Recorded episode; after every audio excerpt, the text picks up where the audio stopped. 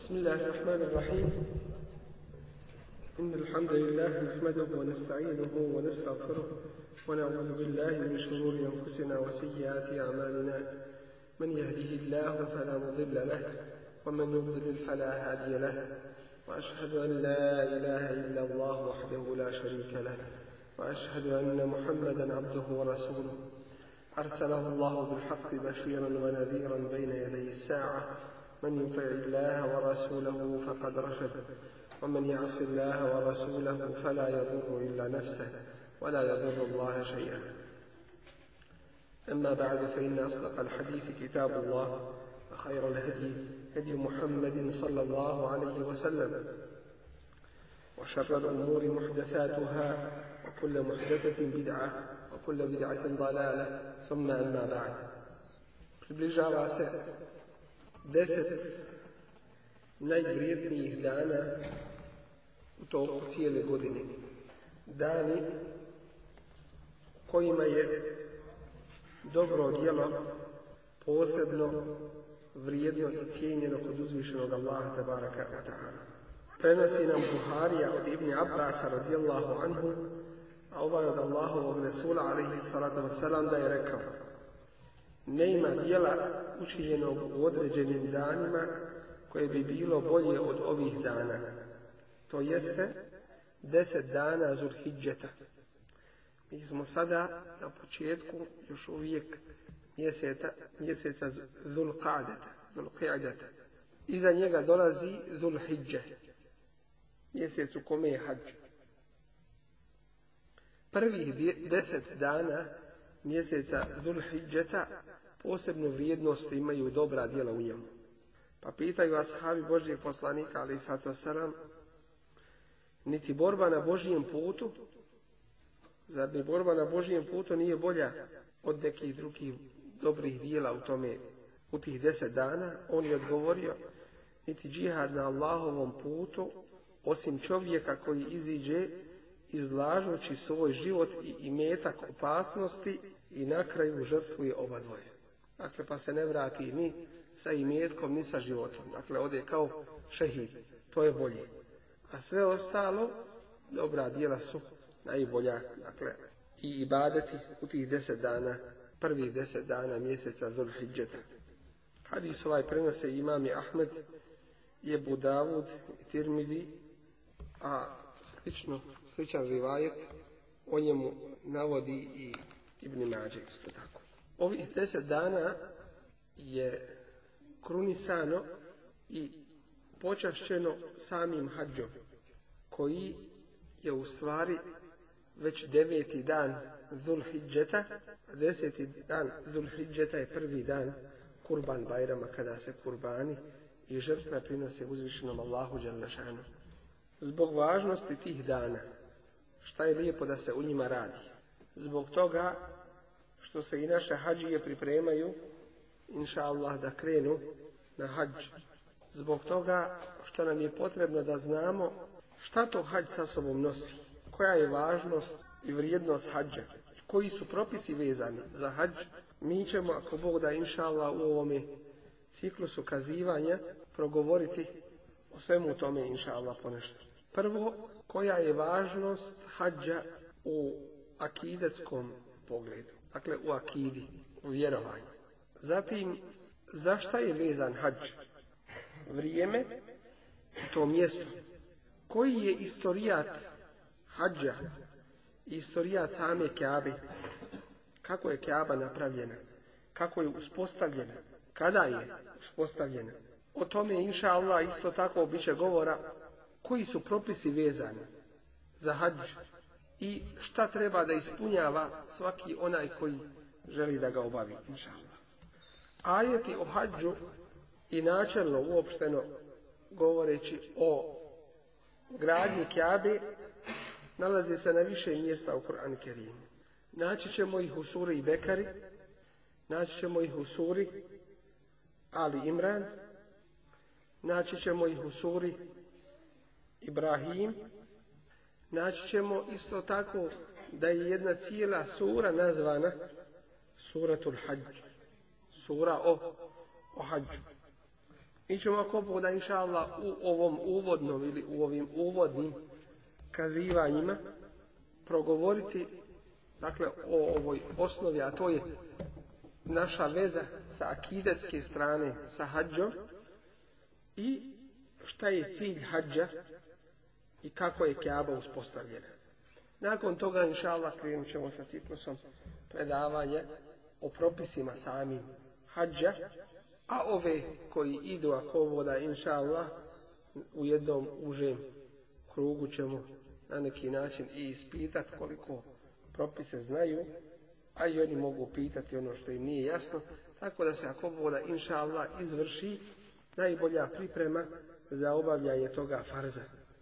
Uzvišeni Allah kaže u suratu Ibrahim وَإِذْ قَالَ إِبْرَاهِيمُ رَبِّ جَعَلْ هَذَا الْبَلَدَ آمِنًا وَجْنُبْنِي وَبَنِيَّ أَنْ نَعْبُدَ الْأَصْنَامِ I kada reče Ibrahim, gospodaru moj, učini ovo mjesto, učini ovaj grad, ovo mjesto gdje ljudi prebivaju, aminen, bezvjednim, وَاجْنُبْنِي I sačuvaj me i udalji me. je I moje potomstvo en na'budel asnam od obožavanja kipova. Rabbi innehunne adlelne kathiran minan nas. Bože, on jeste ti kipovi, to što ljudi obožavaju mimo uzvišenog Allaha, adlelne na krivi pucu, na dalalecu odvele kefira minen nas, mnoge ljude. Femen tebi ani, pa kome slijedi, fe innehu minni, on meni i pripada. Dakle, pripadnik milleta Ibrahima, ali i sela može biti samo onaj koga slijedi. A prvo i osnovno slijedjenje jeste slijedjenje u akidi i u vjerovanju. وَمَنْ عَصَانِي فَإِنَّكَ غَفُورٌ رَحِيمٌ Kom je nepokoran, ti si Allahu zaista gafurun, taj koji daješ magfiret i oprost, rahimun milosti. i poslanici imali su različite dove. Vidimo ovdje da je Ibrahim a.s. bio milosti u svojoj dovi. Kaže, kome slijedi, on meni i pripada. Ko? Ko mi je nepokoran, zaista si ti Allahu milosti, ti opraštaš i tako dalje. Doći Nuh a.s. nije tako postupio. Nuh a.s. kaže Rabbi la tedar ala ardi min al Bože, ti ne ostavi ni jednog kafira na zemlji. To je dova bila Nuh a.s. Inneka in tedarhum ti Allahu ako ih ostaviš yudillu ibadek. Oni će tvoje robove na krivi put odvesti. Vala jelidu illa fađiran kefara. I neće rađati nikoga drugog osim najgore griješnike kafire. Resul alaihi sallatu wasalam Muhammed ibn Abdullah Allah na sanjima ko da sastavi u džennetu on je svoju dovu koju ima poslaničku dovu a svaki poslanik ima svoju dovu ostavio za ahiret Svaki poslanik ima svoju dovu na dunjalu u kojom kada zamoli uzvišenog Allaha on mu je uslišava i prihvata. S tim što je naš Resul Ali i sam i kad kažem naš, ne kažemo samo muslimanski. On jeste muslimanski po tome što ga muslimani slijedi, ali on je Resul svih, svih pokoljenja nakon njega i u vrijeme njega kada je došao. S tim što ga drugi ne prihvataju, a zato će podnijeti i odgovornosti i kazna. Dakle, on je svoju dovu ostavio za ahireta. Kada će moliti i šefa činiti za svoj ummet da uzvišeni Allah olakša griješnicima da se smiluje onima koji su u džehennemu, da onima koji su u džennetu poveća deređe i tako dalje. Vidimo iz ovoga da je osnova uspostavljanja Kjabi u stvari određeno mjesto koje je uzvišeni Allah tabaraka wa ta'ala uspostavio da se oko njega okupljaju ljudi da bi se njemu jedinome ibadet činio. Dakle, osnova uspostavljanja Kjabe jeste uspostavljanje Allah, Allahove jednoće, da ljudi jedino Allaha obožavaju i vjeruju. Iz drugih ajeta vidjet ćemo da samo mjesto Kjave, gdje će biti ona, nije uspostavljeno ljudskom voljom, ni voljom Allahovih poslanika, nego voljom uzvišenog Allaha Dakle, mjesto gdje će se napraviti Kjaba određeno je od uzvišenog Allaha On kaže u suratul Hajj, dakle, idemo na različita mjesta u Kur'anu koja nam opisuju, koja nam govore o Kjabi, o ovome obredu, da bismo vidjeli u stvari, upotpunili jednu sliku kako je to Kjaba uspostavljena, zašto je i koji su to principi. U suratu Al-Hajj kaže uzvišeni Allah وَإِذْ I kada smo Ibrahimu pokazali, odredili mekan al mjesto kjabi mjesto gdje treba da bude Kaaba, kao pribježište, mjesto kome će se ljudi okretati, mjesto kome će se ljudi vraćati, kome će ljudi dolaziti. El la tušrik bi a. da mi širk ni u čemu ne činiš. I to je ta osnova. Nema čovjeka koji ništa ne obožava. Čovjek mora nešto obožavati. I zato u Kur'anu Kaže se kada čovjek obožava da treba samo Allaha obožavati. To jeste samo Allahu uzvišenom ibadet činiti. A ibadet je sva, sve, sva unutrašnja djela, sve riječi i sva djela sa kojima je uzvišeni Allah zadovoljan. To znači jednostavno da tvoj cijelokupni život postane u pokornosti tvome stvoritelju. Allahu I zato osnova ove vjere jeste tevhidullah. Jeste jedinom Allahu ibadet činiti. Jer ljudi čine ibadet inako. Samo neko kipu, neko svojoj stolici, neko svojoj plati na mještenju, neko vladarima, neko ovome, neko onome. Nema toga čovjeka koji ništa ne obožava. Neko obožava svoje strasti, neko obožava novac, neko žene, neko svoju djecu, neko ovo ili ono, dunjalu. Nije pitanje da li obožavaš, nego koga obožavaš. Kome i bade taj činiš? To je ta osnova. bejti je i očisti kuću moju. Allah je naziva moj, svojom kućom. Iz počasti prema, prema Bejtullahu. A inače uzvišeni Allah je uzvišen iznad svojih stvorenja je uzvišen, uzvišeni Allah je iznad sedam nebesa. tahir bejti, a i koji je iznad sedam nebesa, na tolikoj velikoj udaljenosti, iznad arša, uzvišeni Allah nam je bliži od naše žele kucavice. I vidi svakoga šta radi u trenutku kad to radi. I zna šta ko radi i prije nego što određeno dijelo uradi a kamoli kada ga radi. Uzvišen je Allah. A kaže mu, očisti moju kuću. Čišćenje u ovome smislu dolazi kao naredba Ibrahimu a.s. da ga očisti od idolopoklonstva, od širka i svega onoga što nedolikuje dolikuje tu. Lipa i fine, onima koji tavaf čine oko kjabe. A govorit ćemo o tome posebnom ibadetu i značaju tavafa i mine i onima koji su na kijamu, koji ih namaz klanjaju. Ali se ovdje izliče jedan rukn, jedna osnova namaza, a to je stajanje u namazu. I najbolji namaz je onaj namaz na kome se puno stoji i puno Kur'ana uči.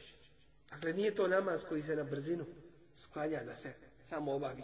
Var i onima koji ruku čine i ovaj dio ibadeta u namazu kako treba obavljaju es ljudi i onima koji seđu čine. Prije nego što priđemo na to da uzvišeni Allah naređuje Ibrahimu a.s. da oglasi da oglasi hađ. Radit ćemo se na suru al baqara Kaže uzvišeni Allah وَإِذِ ابْتَلَى إِبْرَاهِيمَ رَبُّهُ bi kelimatin fa Kada je iskušao, stavio na ispit Ibrahima njegov gospodar. Bi određenim riječima, naredbama. Fa Pa je on to upotpunio najbolje kako treba. Šta je to Ibrahim a.s. učinio? Naređuje mu da svome ocu kaže istinu u pogledu Allaha baraka wa ta'ala. Qala ibrahimu li ebihi a'zara I kada Ibrahim reče ocu svome, a'zaru ete tehidu asnamen alihe, zar uzimaš kipove za božanstva?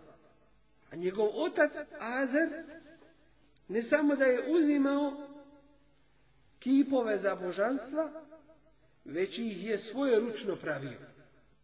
Inni arake wa kaumeke fi dalalin mubin. Ja vidim i tebe i tvoj narod da ste u jasnoj zabludi. Inni wajjahtu wajhiya lillazi fatara as-samawati wal arda hanifan wama ana min al-mushrikin. Ja sam okrenuo svoje lice, kaže Ibrahim a.s.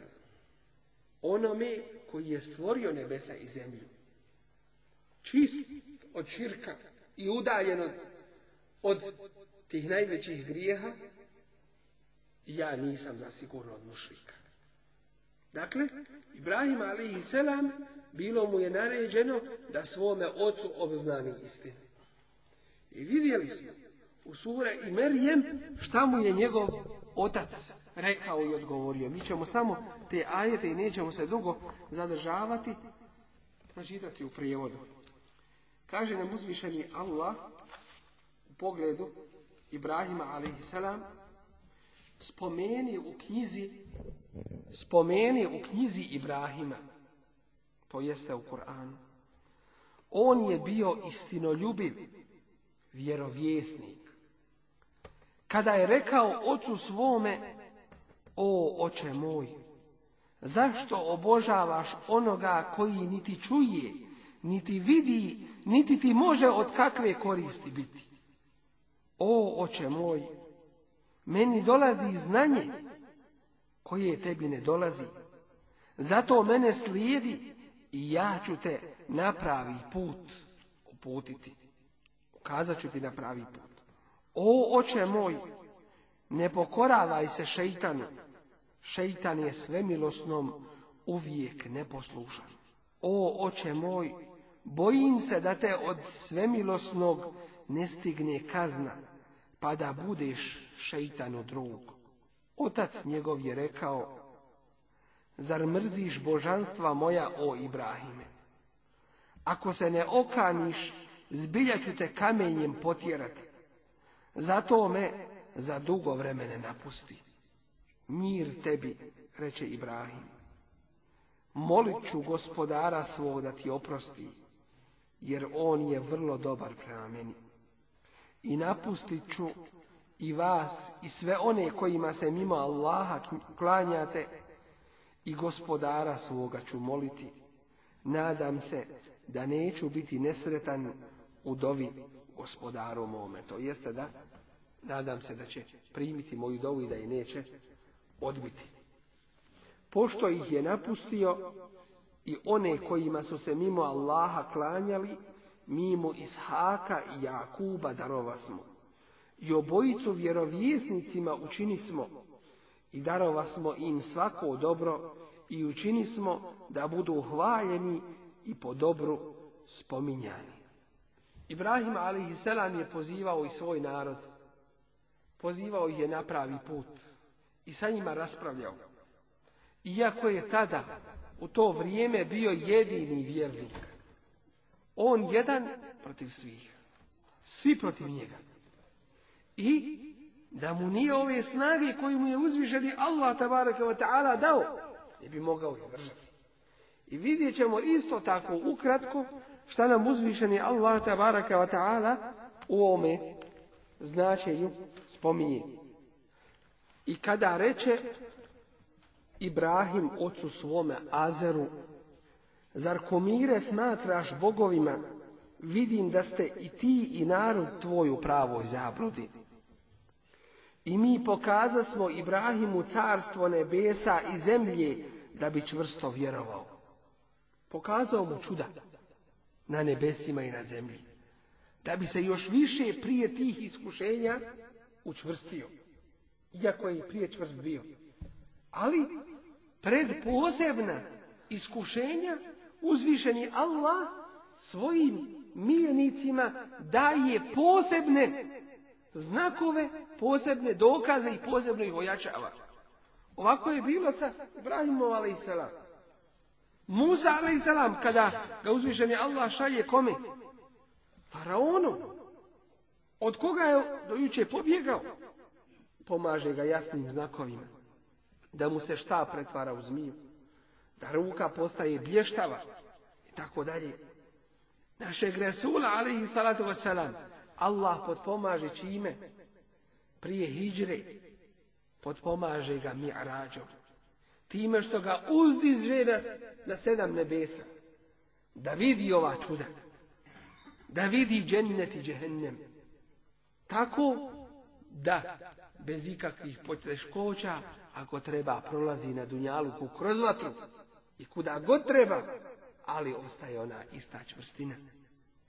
I tako uzvišeni Allah potpobaže svoje robove. I nakon Allahovih poslanika koji se oslanjaju na njega, tako ih čini čvrstim da mogu kroz teškoće vrlo lako prolaziti. I mi pokazasmo Ibrahimu carstvo nebesa i zemlje da bi čvrsto vjerovao i kad nastupi noć, on ugleda zvijezdu i reče, ovo je gospodar moj. Ibrahim selam, nikada nije bio mušrik. Nikada nije bio idolopoklonik. I ovo što kaže, kada je vidio zvijezdu pred svojim narodom, to kaže da bi sa njima raspravljao. Dakle, u smislu, evo, da vidim, ovo je moj gospodar. Čekajući da ta zvijezda zađe pa da kaže to ništa ne vrijedi. To jeste da bi s njima mogao ući u dijalog i u raspravu. A pošto zađe reče, ne volim one koji zalaze. A kad ugleda mjesec kako izlazi, reče, ovo je gospodar moj. A pošto zađe, on reče, ako me gospodar moj napravi put ne uputi, bit ću sigurno jedan od onih koji su zalutali. A kad ugleda sunce kako se rađa, on uzviknu, ovo je gospodar moj, ovo je najveći. A pošto zađe, on reče, narode moj, ja ne imam ništa s tim što vi njemu druge ravnim smatrate. Ja okrećem lice svoje kao pravi vjernik prema onome koji je nebesa i zemlju stvorio, ja nisam od onih koji njemu druge ravnim smatraju. Nisam od mušlika. Dakle, od tih iskušenja je bilo i to što je raspravljao sa svojim narodom. Od tih iskušenja je bilo i to što su mu oni prijetili. Pa su mu rekli, što uzvišeni Allah prenosi, i narod se njegov s njim raspravljao. Zar da se sa mnom raspravljate o Allahu, a on je mene uputio, reče on. Ja se ne bojim onih koje vi njemu ravnim smatrate. bit će samo ono što gospodar moj bude htio. Gospodar moj znanjem svojim obuhvata sve, zašto se ne urazumite? A kako bi se bojao onih koji je s njime izjednačujete, kada se vi ne bojite što Allahu drugi ravnim smatrate, iako vam on zato nije nikakav dokaz znao. I znate li vi ko će, mi ili vi, biti sigurni? će sigurni samo oni koji vjeruju i vjerovanje svoje s mnogoboštvom ne, mijenjaju, ne miješaju oni će biti na pravome putu. To su dokazi naši koje dado smo Ibrahimu za narod njegov. Mi više stepene dajemo onima kojima mi hoćemo, gospodar tvoje je uistinu mudar i sveznajući. Dakle, prijetili su mu da će ga zadesiti neka nesreća od, od njihovih kipova. A Ibrahim Selam, im jednostavno kaže, kako vi meni prijetite svojim kipovima? A vi se ne bojite to što Allahu širk činite. Ako koga možeš to zadesiti, može to vas zadesiti. Jer Allah daje sve to. A vaši kipovi ničim ne, ne raspolažu. Dakle, raspravljaju i sa svojim narodom. Zatim, kada je naišao na zulumčarski narod, koji su obožavali kipove. A imali su jednog između tih kipova koji im je bio najveći i glavni. Pa je uzeo i polupao te kipove. Može li neko od nas zamisliti da ode, na primjer, u glavni budistički centar gdje se Buda obožava, pa da ga skrha? Šta bi bilo s toga? Čovjek, Ibrahim ali selam se usudio. Koji je to bio iman, koja je to bila čvrstina? To je čudo jedno. Vjerovanje. Ide kroz vatru, kroz, a vidjet ćemo da je i kroz vatru prošao ukratko samo prijevod i tih ajeta da vidimo kako nam uzvišeni Allah to slikovito prikazuje u suri El Enbiya. Kaže uzvišeni Allah, opisujući taj događaj, mi smo još prije Ibrahimu razboritost zdali i dobro smo ga poznavali. Kad on ocu svome i narodu svome reče, kakvi su ovo kumiri kojima se i dan i noć klanjate. Oni odgovoriše i naši predci su im se klanjali. I vi ste, a i predci vaši, bili u očitoj zabludi, reče. Govoriš li ti to ozbiljno ili se samo šališ, upitaše oni. Ne, reče, gospodar vaš je gospodar nebesa i zemlje, on je njih stvorio i ja ću vam to dokazati. Tako mi je Allah, ja ću doista vašim kumirima napakostiti nakon što se udaljite, okrenuti. I porazbija ih on u komade, osim onoga najvećih, da bi se njemu obratili. Ko uradi ovo sa bogovima našim, povikaše oni, zaista je silnik. Čuli smo jednog momka, kako ih huli, rekoši, ime mu je Ibrahim. Dovedite ga da ga ljudi vide, rekoši, da posvjedoči. Jesi li ti uradio ovo sa bogovima naši, o Ibrahime, upitaš. To je učinio ovaj najveći od njih. Pitajte ih ako umiju da govori, reče on. Želeći tim, u stvari, da ih navede na razmišljanje. Nije tim ništa Ibrahim, ali je se nam htio da se izvuče iz te teške situacije, ili da prebaci krivicu na drugoga, već da ih navede na razmišljanje da ti kipovi ne mogu ni govoriti, ne mogu se odbraniti, a kamoli da nečijim dobrom ili zlom vladaju. I oni se pribraše, dođoše sebi, pa sami sebi rekoše, vi ste zaista nasilnici. Zatim glave oboriše i rekoše, ti znaš da ovi ne govore. Pa zašto se onda umjesto Allahu klanjate onima koji vam ne mogu ni koristiti, niti od vas kakvu štetu otkloniti. Upita on, teško vama i onima kojima se umjesto Allahu klanjate, zašto se ne opametite? Spalite ga i bogove vaše pomozite, ako hoćete to da učinite, povikaše. O, vatro, reko smo mi, postani hladna i spas Ibrahimu i htjedoše mu spletku skovati, ali ih mi učinismo gubitnicima najveći. I spasi smo i njega i luta u zemlju koju smo za ljude blagoslovili. I pokloni smo mu Ishaka i Jakuba kao unuka i sve učini smo dobrim i učini smo ih, ih vođama da upućuju prema zapovjedi našoj i objavi smo im da čine dobra djela i da namaz obavljaju i da zekijat udjeljuju i samo su nama u ibadetu bili. Još jedno veliko iskušenje. Zatim mu uzvišeni Allah naređuje da odvede svoju porodicu. Da odvede hađeru. Koja je u stvari bila robinja. Ali pošto je Ibrahimova, ali i selam, žena, Sara, pošto je bila nerotkinja, i to se oduljilo, dugo je vremena prošlo od njihovog zajedničkog života, u tom slučaju i sama Sara potraži i reče Ibrahimu, ali i selam, da uzme hađeru, ne bili na taj način dobio dobio potomke. Ali, kada je Ibrahim a.s. uzeo hađeru, u tome slučaju poče ljubomora kod Sare da odrađuje svoj posao. I više nije mogla trpiti da ima u sebe ženu koja će sutra roditi dijete njenome čovjeku. I Ibrahim a.s. bi prisiljen da hijđru čini to jeste da odvede hađeru na jedno tačno određeno mjesto.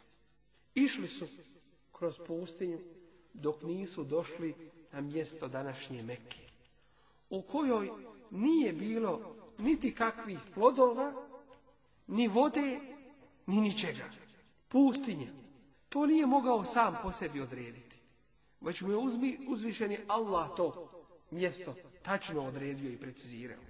Kada je došao na to mjesto, ostavlja Hađeru, koja se čudi takvome nečemu od Ibrahima, koji je bio primjer čestitosti, ahlaka i dobrote, kako se može desiti da, ih, da je ostavi u toj pustinji, u tom slučaju ona ga pita. Ibrahima, ali i selam se vraća, ide nazad.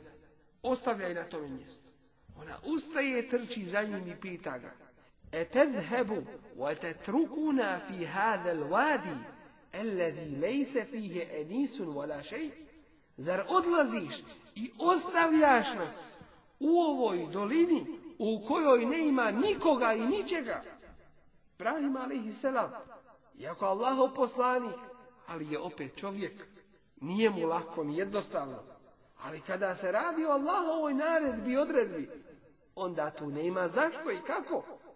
Svativši to, Hadžera ga pita. Nakon nekoliko ovih pitanja koje sam spomenuo, onda ga pita Allahu emarake Jedino još pitanje koje mu može uputiti.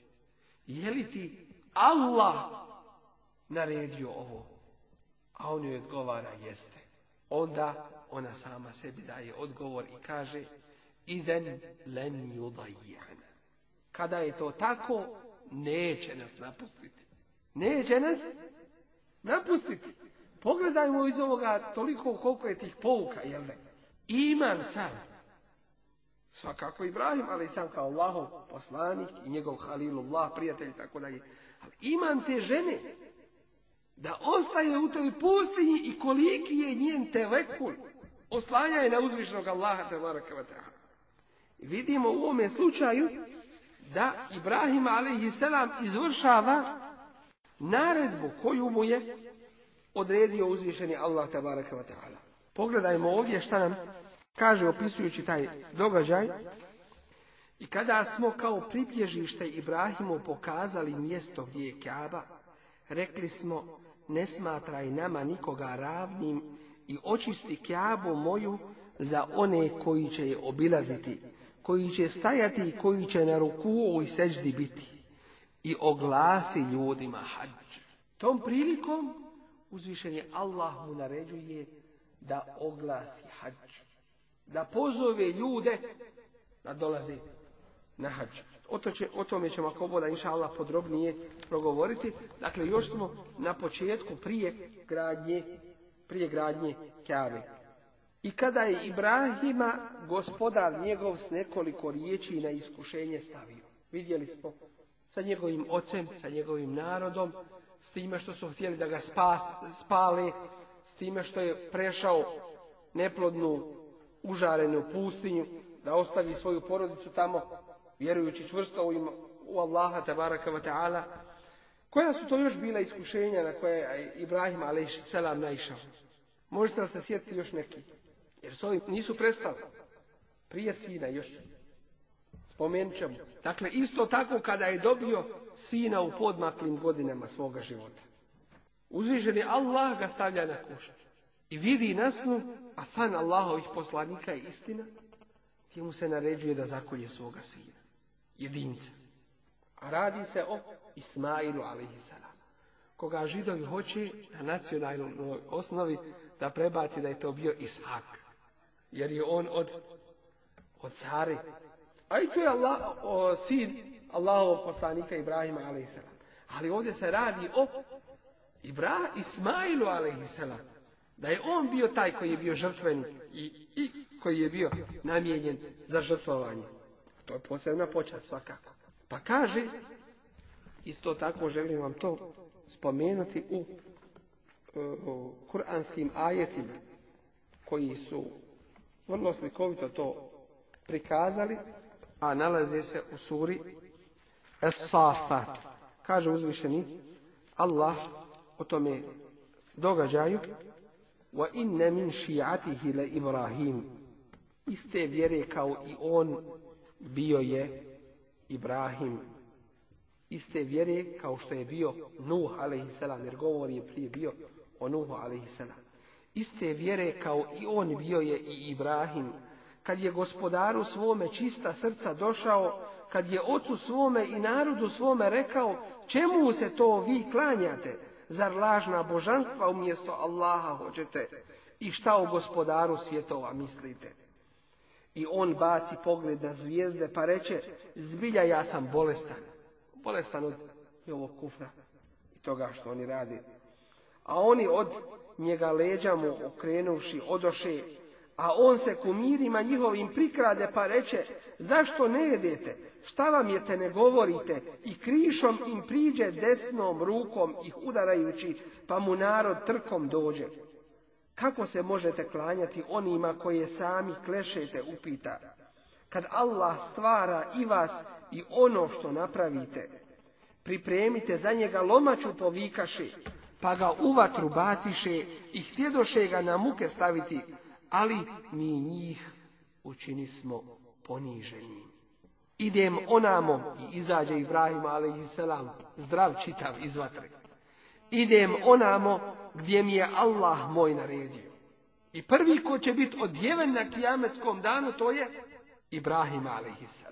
Neka ulema povezuje ovaj događaj sa tim. Svi će ljudi biti proživljeni hufaten, uraten, gurlen.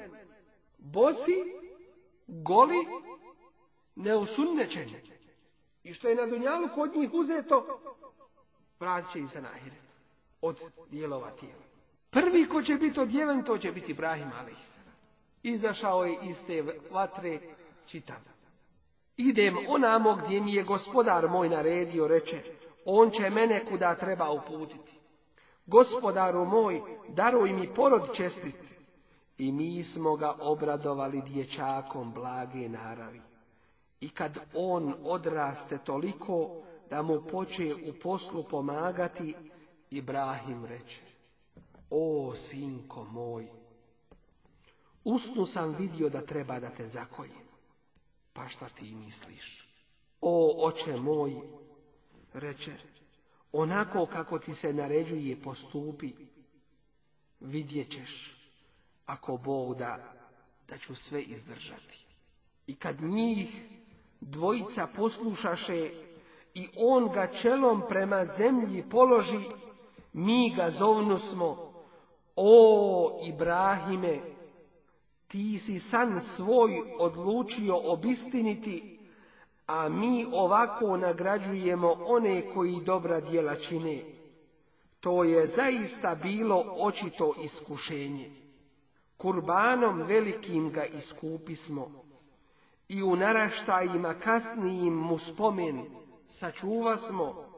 Neka je u miru Ibrahim, eto, tako mi nagrađujemo one koji dobra djela čine, a on je doista bio rob naš vjernik. I obradovali smo ga Ishakom, vjerovjesnikom i čovjekom dobrim, i blagoslovili smo i njega i Ishaka, a među potomcima njihovim ima vjernika i nevjernika očitih. Dakle, i to je jedno veliko bilo iskušenje. Koje još iskušenje je bilo na koje je bio stavljan Ibrahim a.s. Možete li se sjetiti? Njegova rasprava sa vladarom koji se prikazivao kao božanstvo ljudima. I to je isto tako u Kur'anu spomenuto u suri al baqara Pročitat ćemo to samo u prijevodu. Kaže nam uzvišeni Allah o tome, zar ne znaš za onoga koji se s Ibrahimom o gospodaru njegovu prepirao, kada mu je Allah carstvo dao. Kad Ibrahim reče, gospodar moj je onaj koji život i smrt daje.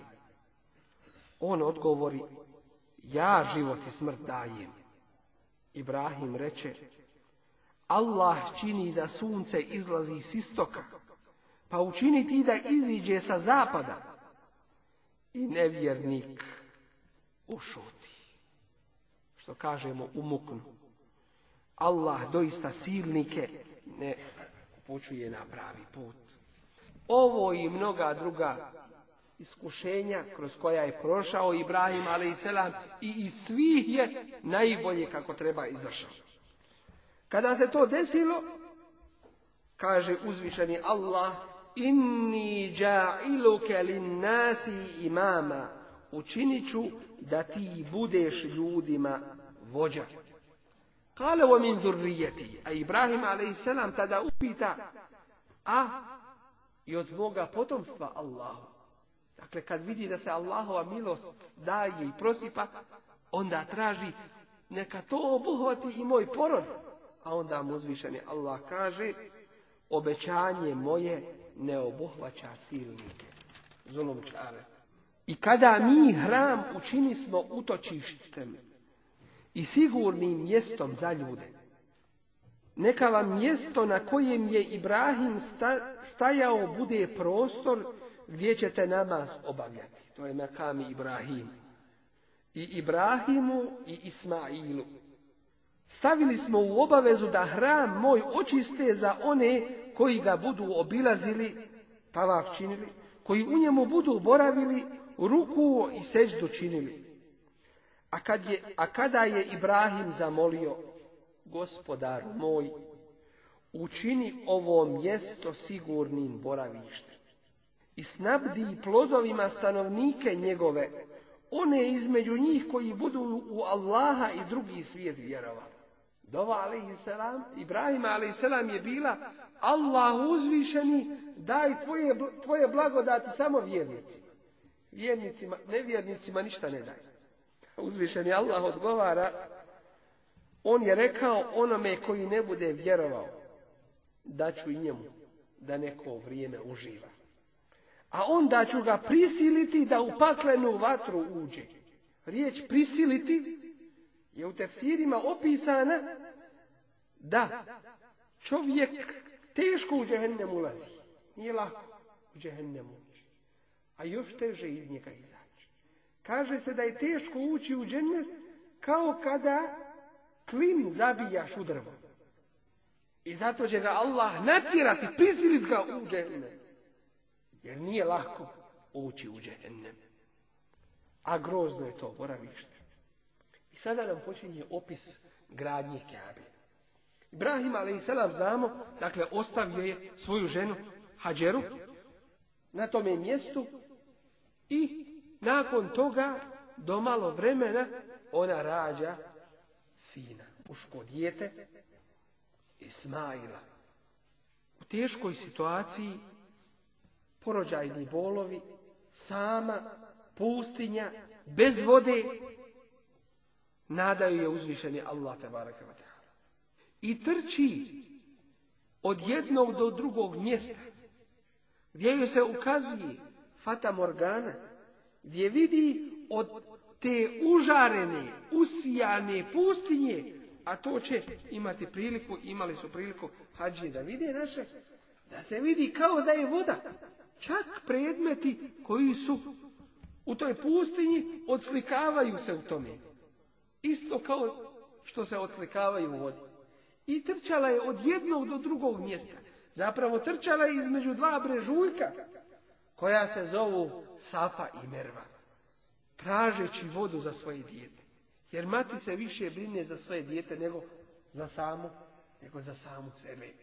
U tome času uzvišen je Allah je dao da ispod nogu toga djeteta provre izvor vode zemzema. A izvor ove mubarek vode, koja je ujedno i hrana i piće je nedaleko od Keabe. Videći majka šta se dešava, da voda počinje izvirati iz zemlje, povika zem, zem. Stani, stani. Bojeći se za svoje, za svoje dijete. I to su ti majčinski osjećaj. Ali u tom je trenutku to je ponijelo. Zar nisi svjesna da onaj koji te tu doveo u tu neplodnu pustinju, da onaj koji je dao da rodiš to dijete, da onaj koji je dao da provre ta voda ispod nogu tvoga djeteta, da će on i tvoje dijete sačuvati i da neće se utopiti u toj vodi. Ali to su majčinski osjećaj. Kaže Resulullah ali da se Allah smiluje majci Ismailovoj. Da nije rekla stani, stani, zemzem bi do današnjih dana bio rijeka koja teče. Ali u tome času osjećaji su je ponijeli, pa je rekla stani, stani. To je trenutak bio, jedan osjećaj. Ko što je Jusuf alih selam, cijelo vrijeme oslanja se teveku na Allaha stopostotni. Kao Allaho poslanik zatvoren, u zatvoru bio. Pa onome, kada je izlazio iz zatvora, svome zatvorskom drugu, za koga je pretpostavljao da će biti spašan između one dvojice, kaže mu, uzkur me indarabik, spomeni me kod tvoga gospodara. Pa ostade zbog tih riječi bildasini nekoliko godina u zatvoru.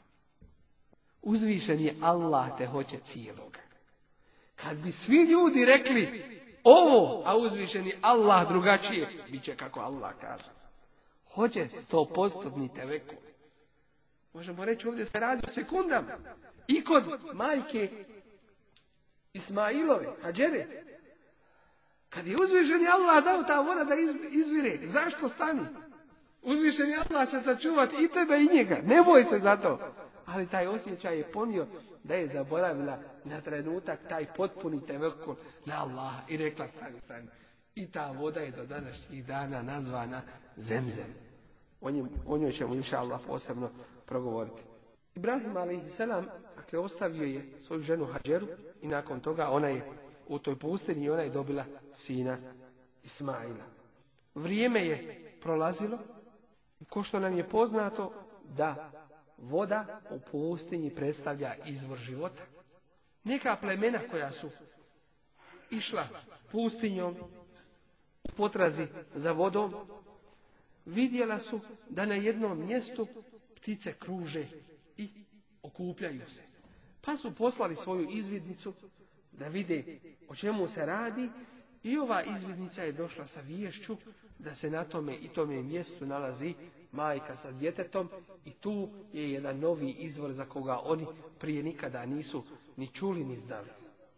I onda su poslali svoje predstavnike, predstavnike toga plemena, da zamole Hadžeru da im dozvoli da tu, da tu i oni borave. I ona im je tu dozvolila da i oni borave. I tako su se počeli ljudi i plemena naseljavati na tome pustome mjestu gdje do nije bilo ničega i nikoga. Vrijeme je odmicalo, godine su prolazile, tako e, da je Ismail a.s. počeo odrastati i pomagati svoje majice. Došlo je vrijeme ženitbe, Ismail se oženio. I nakon toga, do izvjesnog vremena, dolazi mu njegov otac, Ibrahim.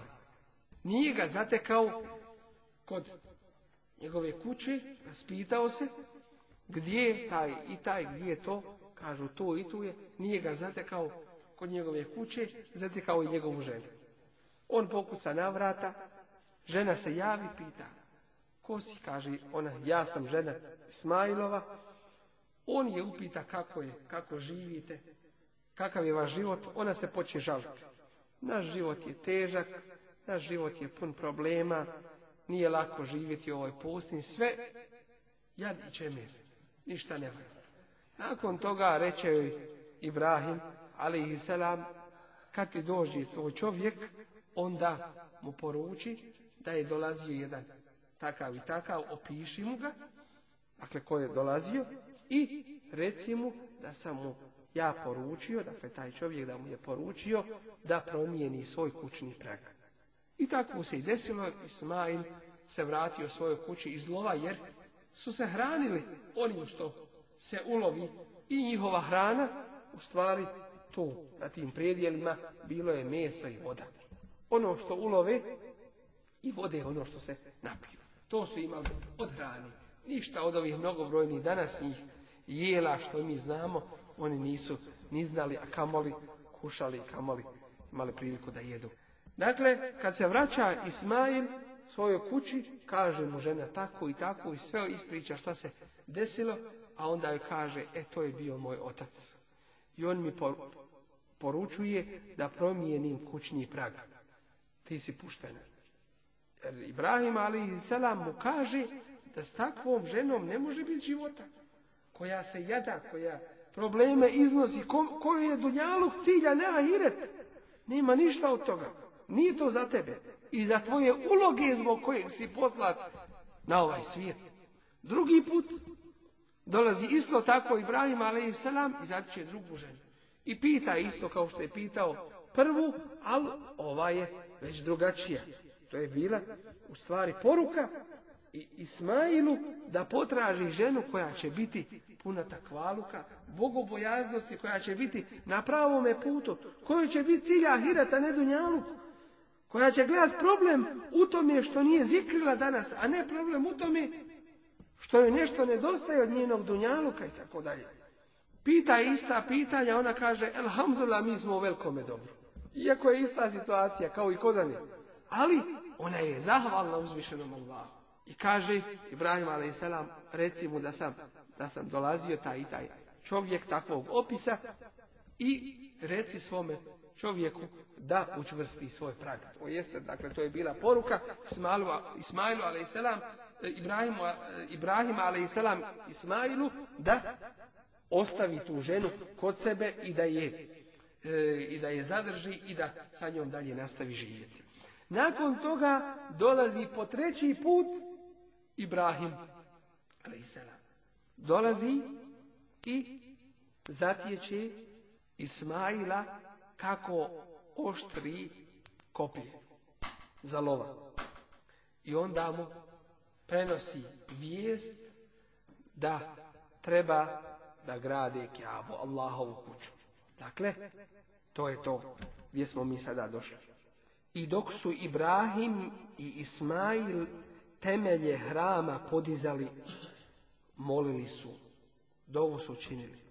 Gospodaru naš, primi to od nas, jer ti u istinu sve čuješ i znaš. Gospodaru naš, učini nas dvojicu tebi odanim, muslimanima, i porod naš neka bude tebi odan. Pokaži nam obrede naše, obrede hađa, i oprosti nam, jer ti primaš pokajanje i milostiv si.